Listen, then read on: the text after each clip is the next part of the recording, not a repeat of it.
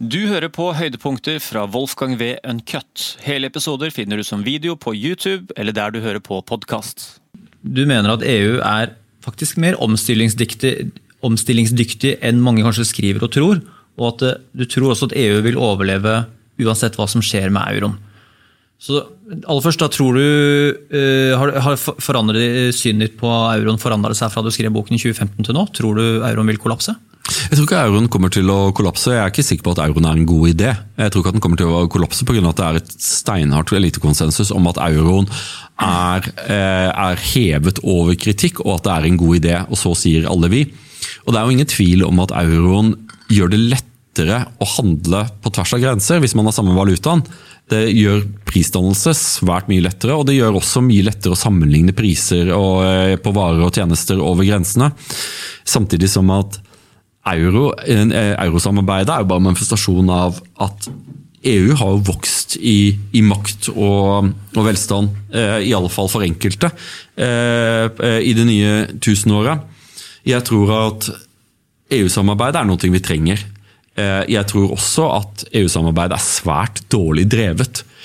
Eh, så jeg er nok litt i en annen, eh, liksom Det er enkelte som mener at man bør bare liksom brenne ned hele EU og så eventuelt prøve på nytt. Det ja. tror Jeg ikke. Jeg tror ikke at det vil være en god idé i det hele tatt. Men jeg tror at på et eller annet tidspunkt så må man få en reell eh, demokratisk impuls inn i dette.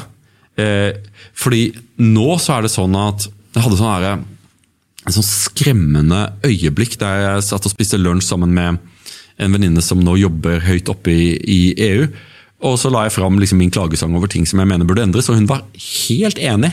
Men de føler seg så maktesløse, de også. De føler også at de er bundet opp av økonomiske trender og politiske øh, vinder, mm. som gjør at de ikke, at de ikke har liksom makt til å gjøre det som trengs å gjøres. Ja. Uh, og der står vi i et rasjonalitetens jernbur med et EU som er mye mektigere enn det det har vært før, men har ingen følelse av hvordan denne makten kan brukes. Mm. Et politisk system som ikke tjener interessene til svært mange, i alle fall i økonomisk forstand.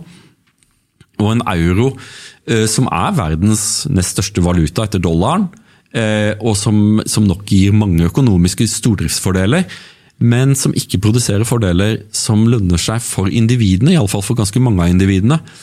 Og hvis man tror det at vi i Europa kan leve godt eh, med en situasjon der man får et sammenfall av etnisitet, klasse, rase og religiøs tilhørighet, i kort form at vi begynner å få en stor fremmedkulturell underklasse i Europa Hvis man tror at det kommer til å, være en lykkelig historie som kommer til å ordne seg selv, så tar man feil.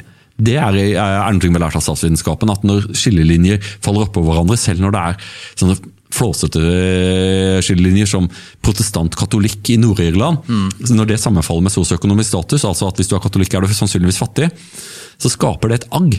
Eh, og det er noe vi, som vi har, vi har snakket om eh, som tidligere også, at det er mye agg i Europa i dag. Og et, vi har et EU som ikke er klarer å respondere til sin tids krav. Og sånn er det for alle ordener til alle tider. Nesten uavhengig av hvor eh, eh umenneskelig, idiotisk, voldelig eh, en orden er, så lenge den klarer å levere to ting. Sikkerhet mm. og litt økonomisk vekst. Så er det nok til å bevare en ordens eh, legitimitet. Det er i det øyeblikket man ikke har økonomisk vekst at spørsmålet omkring legitimitet begynner å, å komme opp. og det, eh, det, rammer demokratiet like hardt som diktaturer. Grunnen til at demokratier spises sjeldnere, er jo pga. at demokratier ofte er bedre drevet enn diktaturer. Mm. Men, eh, mens, men Europa er i ferd med å støte opp imot noen ting. Og det som uroer meg, er at det er ingen følelse i Brussel over at her må man tenke stort, og man må, man må, få i gang vekstimpulsen i Europa. Og at kanskje noe av løsningen ikke er at EU skal regulere enda mer. Kanskje mm. EU burde regulere langt mindre. Og Det er noe som jeg, sånn som jeg fikk en lang, hyggelig e-post fra, fra, Neil Ferguson eh, i dag morges. Og En av de tingene som vi har diskutert mye, er jo hvordan Hva, hva, hva preger vellykkede stater? Han er veldig interessert i tilfellet Norge. Eh, men der vi møtes, er eh, at vi er enige om at overregulering er et av de største problemene som preger vestlige samfunn i dag. Altså ikke for lite, altfor mye regulering. Mm. Og at man kanskje i Europa har kommet til fare for å regulere bort kjernen i den amerikanske drømmen. Da. Den, den tanken om at det lønner seg å prøve å forsøke.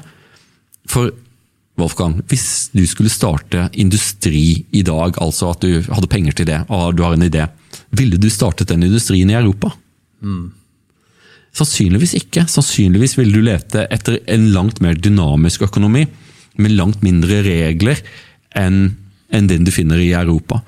Og Sånn tenker kapitalistene eh, rundt omkring i verden. De slår seg til Indonesia, Filippinene og, eh, og Vietnam eh, og starter industrien sin der. Mens det å starte ting i Europa det fremstår som vanskelig og brysomt. Og så har man fått en sånn her, det verste av sosialdemokratiet. altså at hvis du ikke får det til hvis, liksom at det er en sånn cop-out ja, Vi har lagd et system som gjør det umulig for deg å lykkes, men du kan få trygd. Hvis du bare søker her, så kan du få trygd, så kan vi kompensere deg for at vi har lagd regler som ikke funker for deg. Mm. Men igjen så er det, det, det fungerer jo ikke bra med gründerånden. Du starter jo ikke industri for å søke trygd, gjør du vel? Du er jo et ærlig menneske, du har jo tenkt å skape verdi for deg selv. ikke sant?